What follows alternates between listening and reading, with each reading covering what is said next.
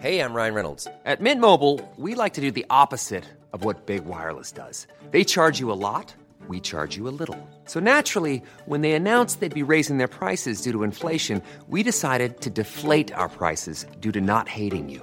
That's right. We're cutting the price of Mint Unlimited from $30 a month to just $15 a month. Give it a try at mintmobile.com slash switch. $45 upfront for three months plus taxes and fees. Promo rate for new customers for limited time. Unlimited more than 40 gigabytes per month. Slows. Full terms at mintmobile.com. Everyone knows therapy is great for solving problems, but getting therapy has its own problems too, like finding the right therapist, fitting into their schedule, and of course, the cost. Well, BetterHelp can solve those problems. It's totally online and built around your schedule. It's surprisingly affordable too. Connect with a credentialed therapist by phone, video, or online chat, all from the comfort of your home. Visit betterhelp.com to learn more and save 10% on your first month. That's BetterHelp H E L P. Hiring for your small business? If you're not looking for professionals on LinkedIn, you're looking in the wrong place. That's like looking for your car keys in a fish tank. LinkedIn helps you hire professionals you can't find anywhere else, even those who aren't actively searching for a new job but might be open to the perfect role. In a given month, over 70% of LinkedIn users don't even visit other leading job sites. So start looking in the right place. With LinkedIn, you can hire professionals like a professional. Post your free job on linkedin.com slash people today. Hej alla lyssnare! Det här är Tobias. Välkomna till Krimmagasinet. På grund av tekniska problem de senaste veckorna, främst med inspelningen av Tänk om, har vi hamnat efter med publiceringen av avsnitt. För att råda bot på detta och komma ifatt väljer jag den här veckan att ge er två avsnitt som tidigare publicerats i just Tänk om. Det handlar om Knutbyfallet utifrån en väldigt speciell synvinkel. Det är nämligen Linnea Kuling, tidigare medlem i Knutby Philadelphia, som berättar om sin upplevelse. I och med att detta är en repris så kan det finnas hänvisningar som är inaktuella i avsnittet, men jag har försökt klippa bort dessa. Som plåster på såren får ni alltså två avsnitt samma dag. Jag ska också nämna att Linnea och hennes band släppt ny musik i dagarna. Ni kommer att höra låten direkt efter avsnittet. Låten spelas upp med tillstånd av bandet och får således inte kopieras vidare. Bandet heter Distorted Times och det är Linnea som sjunger. Låten ni kommer att få höra heter Fix Me. Men nu över till avsnittet.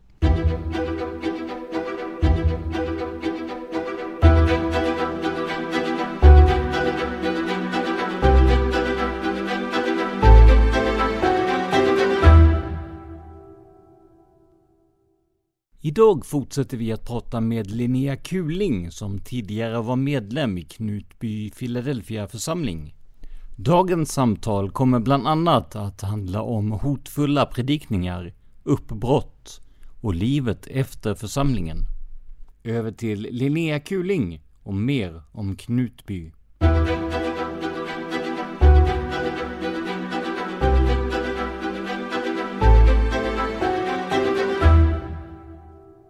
Jag tänker vi ska komma till hur du faktiskt tog dig ur det här. Men det jag undrar då i och med att du berättar väldigt utförligt om om en bibelpassager om tron och så vidare. Hur ser din tro ut idag? Har du, finns det någon, någon kristen tro kvar i det eller har, hur ser det ut?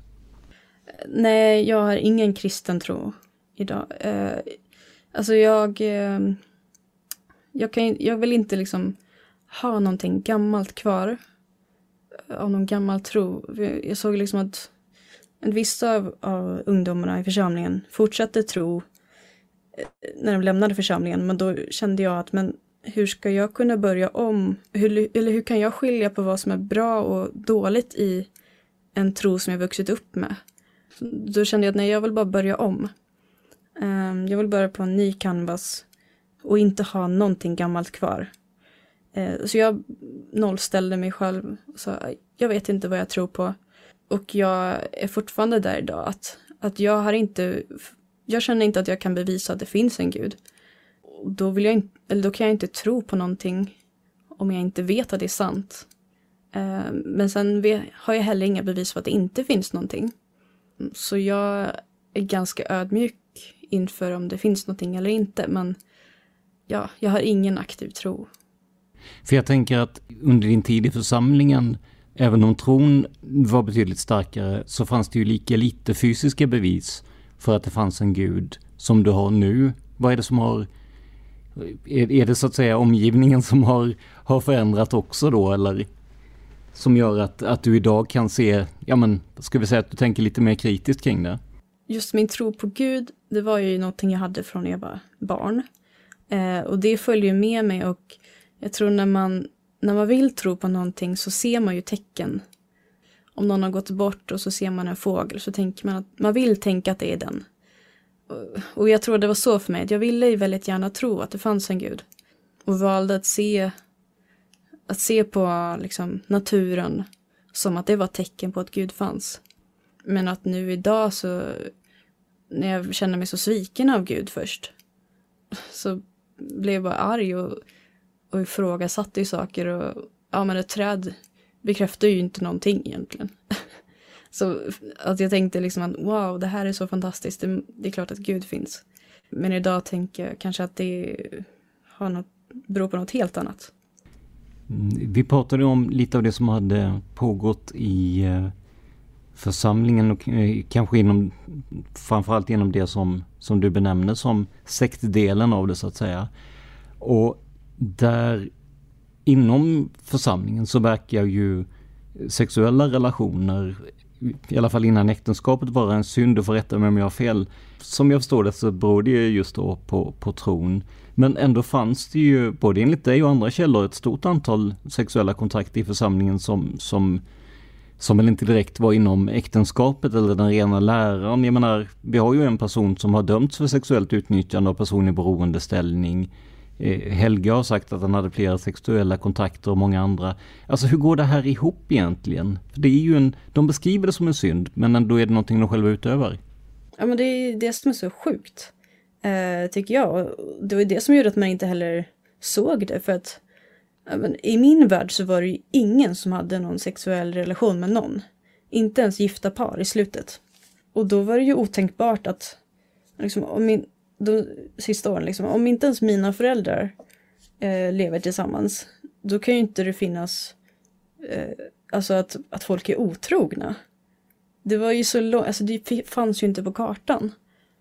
Så det var ju någonting man, vi inte visste om, vi andra, bara de som det berörde. Eh, inte ens Åsa visste ju om de sexuella förbindelserna som Urban hade. Utan det var ju just mellan de personerna. Eh, och det som han sa i efterhand var ju att eh, för den rena är allt rent. Så, så för honom var det inte smutsigt. Eh, det var ju som att men han såg väl sig som så mycket bättre än oss andra. Så att för honom var det inget problem att ha sex med andra.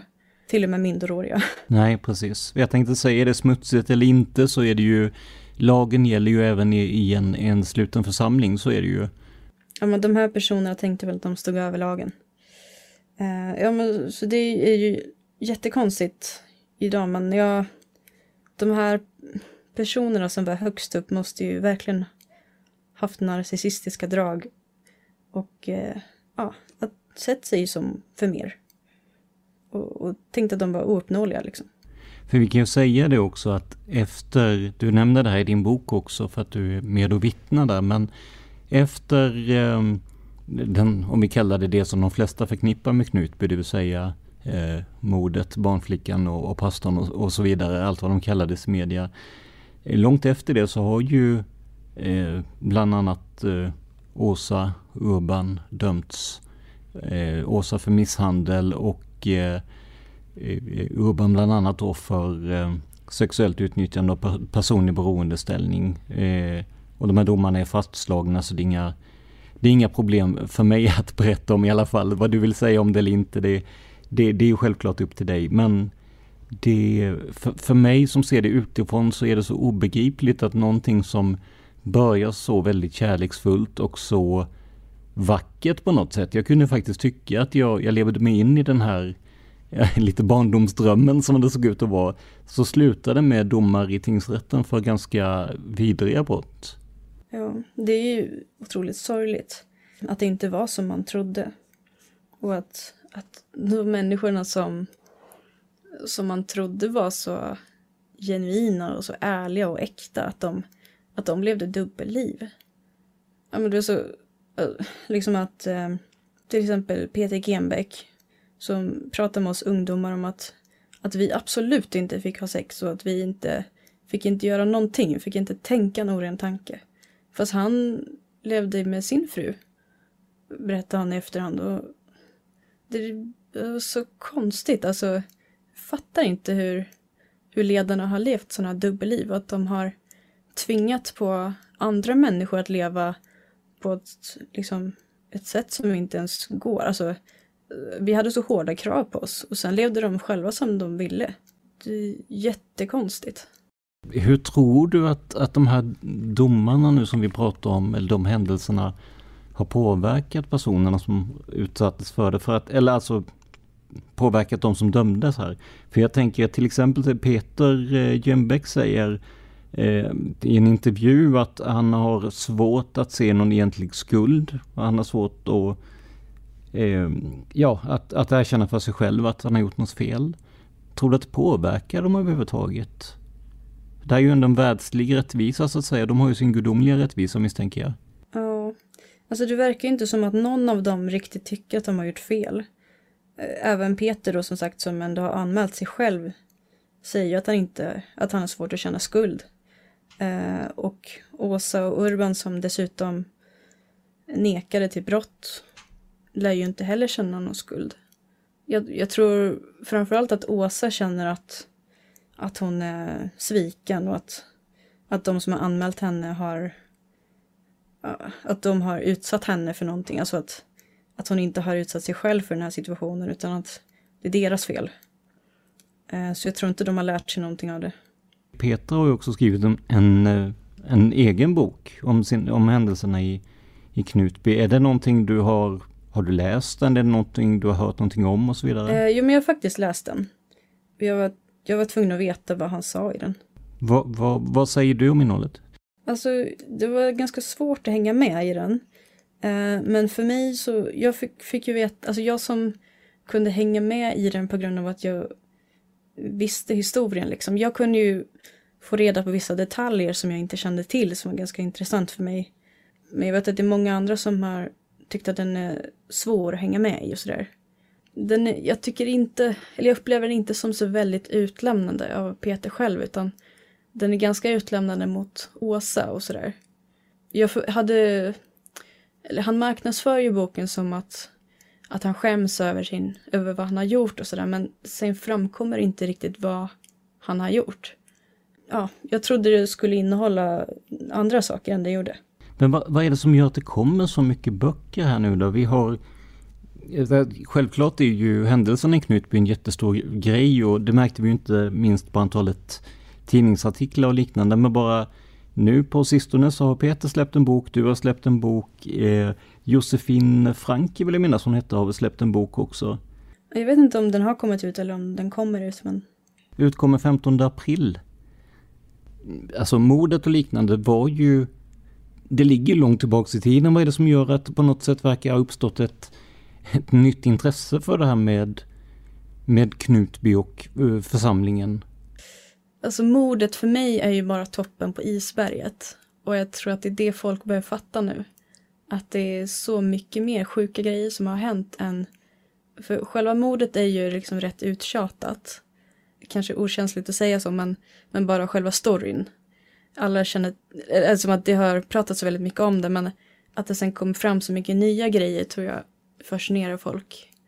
Jag har ju hamnat i en, en, en genre till viss del där jag gör poddar också om, om, om brott och i, i mitt fall så är det psykologin bakom det som är intressant. Varför, hur kan de här hur tänker de här onda människorna? Vad är det som, som uppstår i dem? Är de överhuvudtaget onda? Alltså precis de frågorna vi, vi bollade för en stund sedan här. Eh, och det, det, kan väl jag tänka mig, just att hitta någon form av jag tror man vill förstå det som inte alltid går att förstå. Din bok här då, kan vi ta när vi ändå är inne på det. Hur, hur, hur tycker du att boken har tagits emot? Eh, om vi börjar med från ja men recensioner, samhället, media? Eh, alltså jag är väldigt positivt överraskad. Jag hade förväntat mig att den skulle tas emot med mer kritik och jag var beredd på att kanske få hat. För att jag, jag men, folk som har gått ut med sina berättelser har ju ofta straffats i media. Eh, och jag var, förväntade mig nog det värsta. Eh, så jag blev väldigt positivt överraskad över att jag har fått så mycket stöd. Och att det är så många som har hört av sig och, och skrivit att de blir berörda och sådär. Eh, men jag var också rädd för att inte bli trodd. Att folk skulle säga att jag hittade på eller sådär.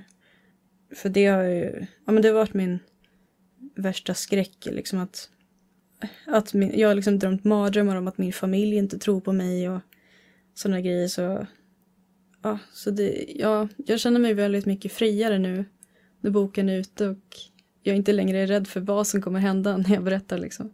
Så det är väldigt roligt att se responsen.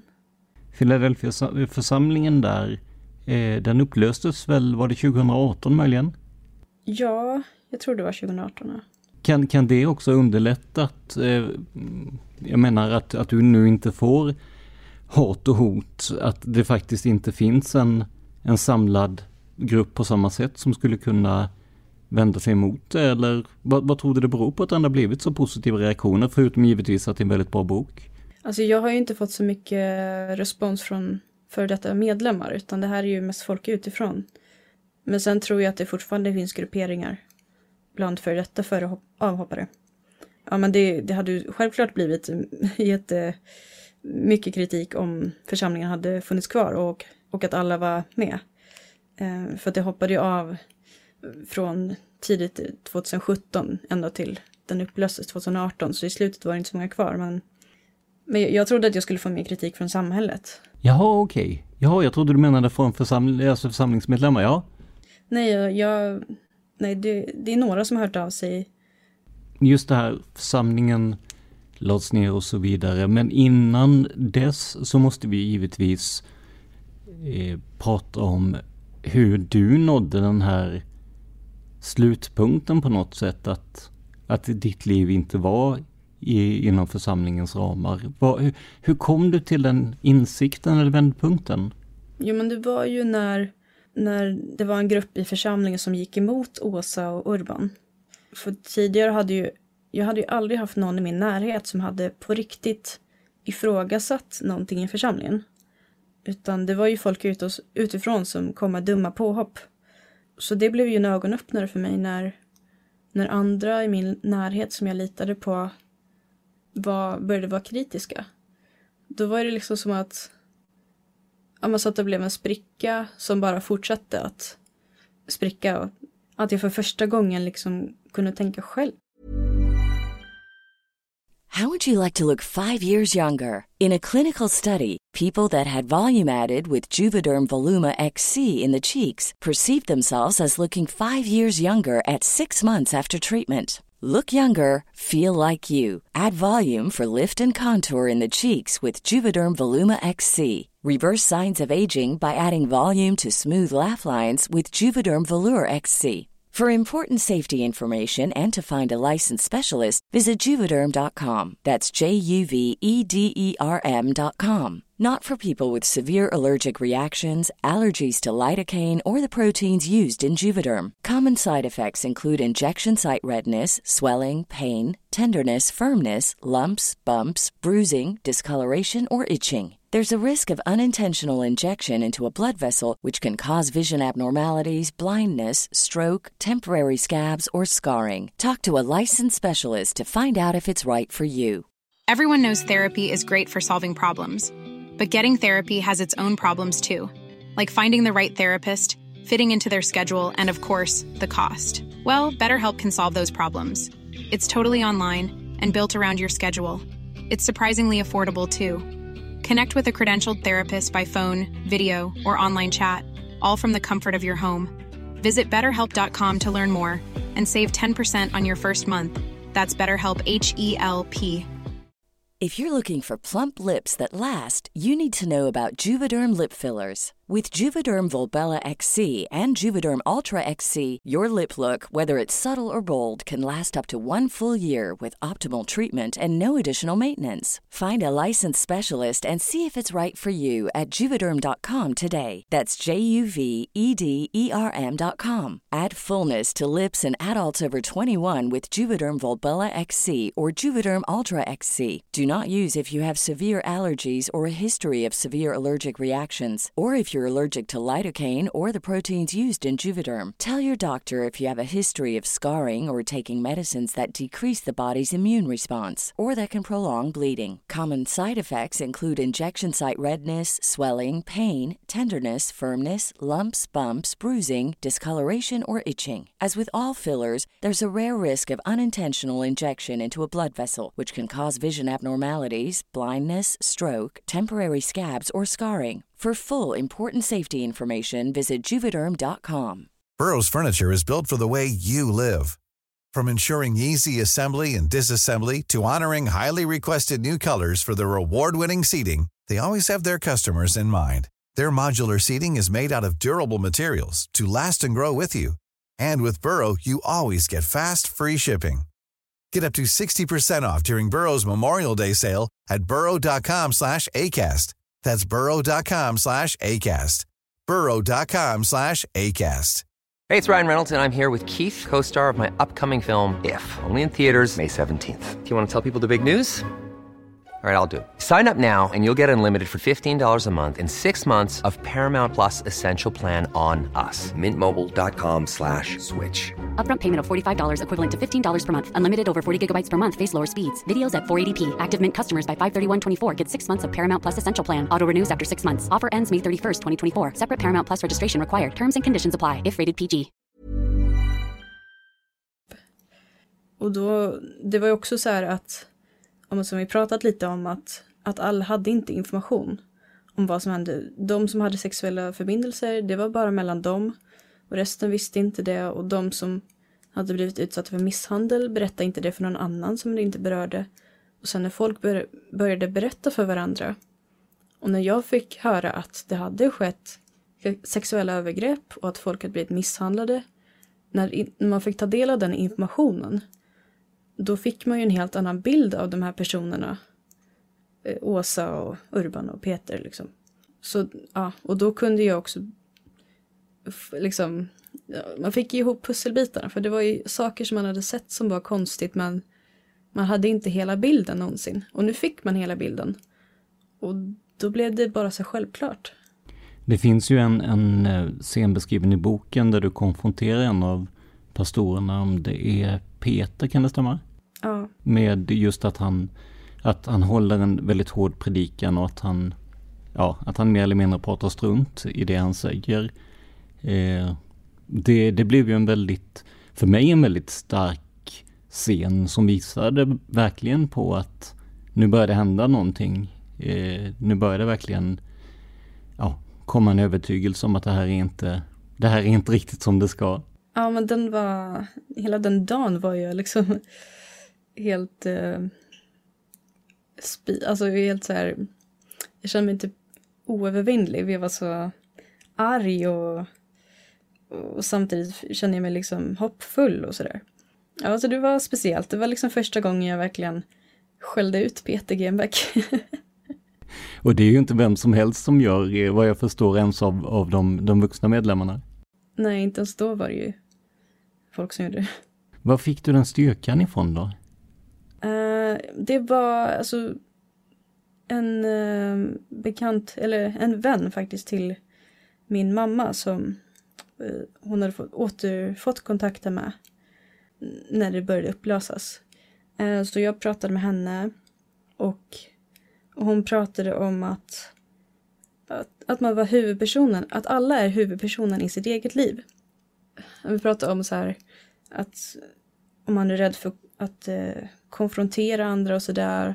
Men att, att om någon blir sur på mig så är den personen är fortfarande en biroll. Och att det är jag som avgör vad som händer i mitt liv och om någon inte vill ta mig som jag är så får den birollen försvinna. Jag ska inte anpassa mig efter den. Eh, och då börjar jag tänka så bara, men det är jag som är huvudpersonen i mitt liv. Alltså, för jag hade ju hela tiden varit liksom en slav eller en, en tjänarinna och liksom att jag fick liksom den så här mindblow. alltså här, men det, det, är, det är jag som är i mitt liv. Alltså, det hand, mitt liv handlar ju om mig. Och jag behöver inte vara rädd för att folk ska bli arga på mig när jag uttrycker kritik utan kanske jätteflummigt men eh, för mig blev det väldigt starkt.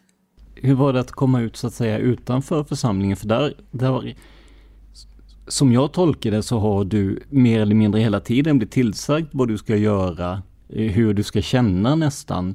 Och att då komma ut i, i vad ska vi säga, i den yttre världen och själv ta beslut, att själv eh, bestämma vad man ska äta, själv bestämma vad man ska få tänka överhuvudtaget. Hur var det? Det måste varit en jätteomställning tänker jag. Ja, det var det verkligen. Det var, jag tänkte liksom att nu ska jag uppleva, eller nu ska jag komma på vad jag tycker om. Men jag upplevde, eller kom mer och mer fram till vad jag inte tycker om. Saker som jag har gjort, saker som jag har ätit som jag faktiskt inte tycker om. Ja, men jag, när jag kom fram till att jag är inte en social person.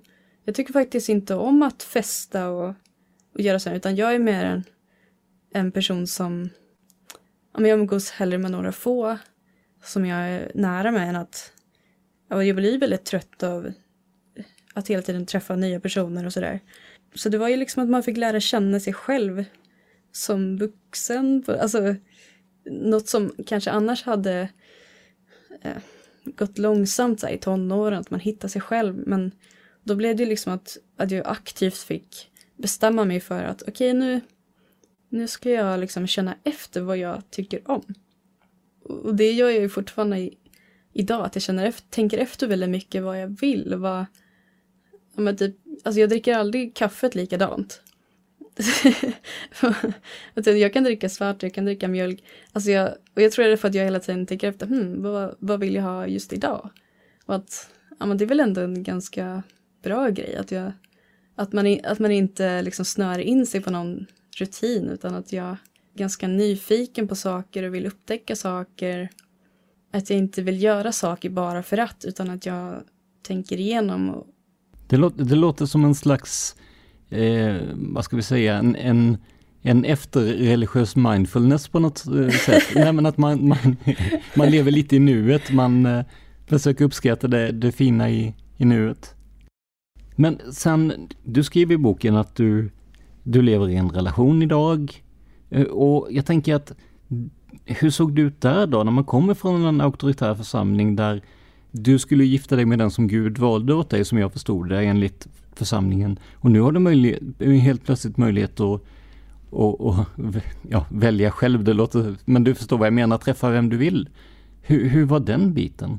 Ja, men det tog ju ett halvår innan jag träffade min nuvarande sambo Alex.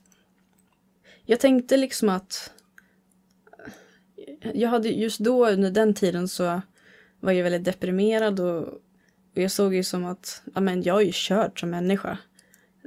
Och jag tänkte liksom att att de här vidriga människorna som jag har umgåtts med så mycket, de måste ju ha påverkat mig. Jag är bara en produkt av, av dem. Liksom, jag är ju helt messed up. Men ja, så jag, jag hade väl ganska låga förväntningar. Och jag hade nog, var nog ganska liksom, vad heter det, inte taggarna utåt kanske men var på din vakt kanske? Ja, jag var på min vakt. Jag ville verkligen inte göra någonting mot min vilja eller att jag ville att allting skulle vara mitt val, att det skulle vara på mina villkor hela tiden. Men eh, när jag väl träffade Alex så vi var väldigt likadana och det bara föll på sin plats. Alltså jag är väldigt glad att jag träffade just Alex. Eh, eftersom vi klickar så bra som personer. Och jag upptäckte då, men vänta, jag är inte helt körd. jag, är, jag är liksom inte förstörd som människa bara för att jag har haft den här uppväxten utan jag, hade väldigt låga förväntningar på mig själv. Men sen upptäckte jag att men, det är inte så illa. Det måste ju blivit en omställning för, för Alex också tänker jag med tanke på att du ändå har ett, ett bagage från en av, ja får man väl säga då, Sveriges mest kända församlingar slash mm, ja, sektliknande församlingar. Hur, hur, hur tog Alex det här? Jo men Alex kände ju inte till så mycket om Knutby. Eh, och det var ju rätt skönt för att han hade ju inte en förutfattad mening eller massa fördomar utan när jag berättade om det här, när jag berättade om Åsa Valdo så visste han ju inte ens vem det var. Så det var ju, det var nog ganska bra. Eh, utan att jag fick, fick berätta liksom mm, verkligen på mitt sätt. Det är ju svårt för att alltså de här personerna som jag känner så väl och som han inte ens har träffat liksom.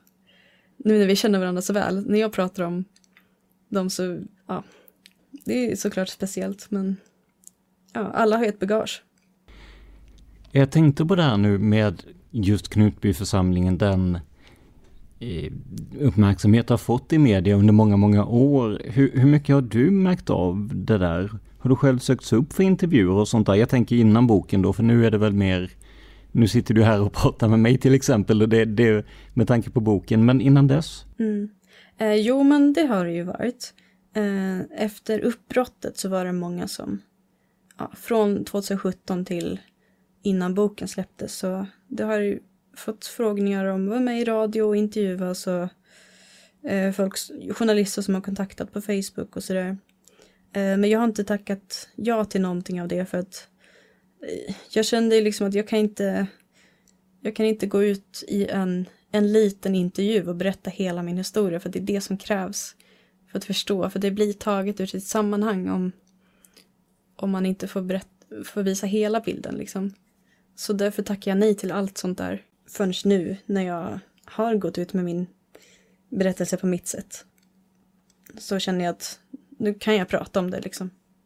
Nej, hur mycket har du följt det som har skrivits i media då? För jag tänker att det har blivit alltså, vad heter det, spaltmil heter det, av artiklar. Och hur mycket har du följt och hur ser du på rapporteringen? Har den varit saklig? Har det varit för mycket, för lite? Har den varit osaklig? Vad, vad känner du? Um, alltså förr så följde jag inte alls det. Uh, för jag trodde inte på någonting som skrevs. Eh, det gick så mycket konstiga rykten och och vissa saker som liksom var sanna, som med det med Tirsa-profetian som, som jag trodde var påhitt liksom. Så, så det blev ju bara att man struntade i allt som media och, och omvärlden sa om Knutby för att ja, så det, det var bara liksom, ja, vad har de hittat på idag då? Tirsa-profetian, okej. Okay.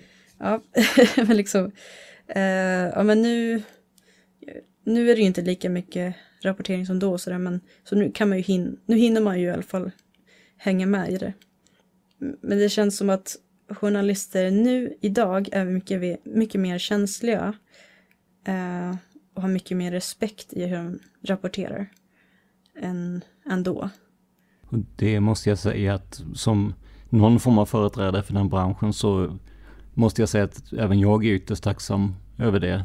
Att man har hört skräckhistorier både från, ja, från större händelser, allt från Palmemordet till eh, mordet på Anna Lind till Knutbymorden och så vidare. Där det har skett rejäla journalistiska övertramp. Så att eh, det, känns, det känns skönt att veta att det tycks gå på rätt håll. Ja, men liksom, jag har ju hört, att, hört av mamma att, att journalister gick raka vägen in hem i, till oss i vårt kök. Liksom, och de bara ut! Och så, alltså verkligen så, som paparazzi som bara helt galna. Så är det ju inte idag. Har de haft rätt i sak då? Eller har det varit, väl, har det varit spekulativt eller har det varit ja, men sakligt och rätt det du har läst? Jo, men alltså nu är det väl mer så. Jag tror att man är lite mer försiktig med vad man skriver. Uh, jag tror att, att då så var det väl mer att de bara skrev allting som de hörde. Och när Helge sa någonting då skrev de det. Liksom att det verkade inte som det fanns någon källkritik riktigt. Och även om det fanns sanningar i det som sades så, så var ju inte det en sanning i församlingen. Alltså, att, att som Tirsa-profetian var ju inte en lära som fanns i församlingen. Så även om det var sant att några personer eh, hade den läran så, så var det ju ändå inte sant för oss. Eller liksom, ja. Linnea, jag har en sista fråga här. Om det skulle vara någon lyssnare eller någon som läser om avsnittet på Facebook eller liknande som sitter i någon sån här situation då, som är i en eh, hårt styrd auktoritär grupp oavsett om det är en församling eller vad det är för någonting. Har du några råd eller tips på vad man, vad man kan göra då? Du har ju ändå varit i den situationen själv. Ja, alltså, som, alltså konkreta tips är ju svårt, för jag vet inte vad man är i situationen, men jag upplever ju mest att det jag satt fast var ju i mitt huvud. Det var ju hur jag själv tänkte, mina egna tankebanor. Och det som jag upplevde som, det vi pratade om, att vara huvudpersonen i sitt eget liv.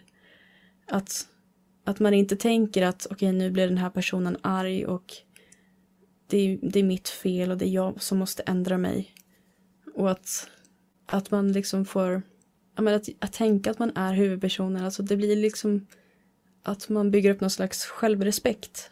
Och att, att faktiskt våga tänka att men jag förtjänar inte det här.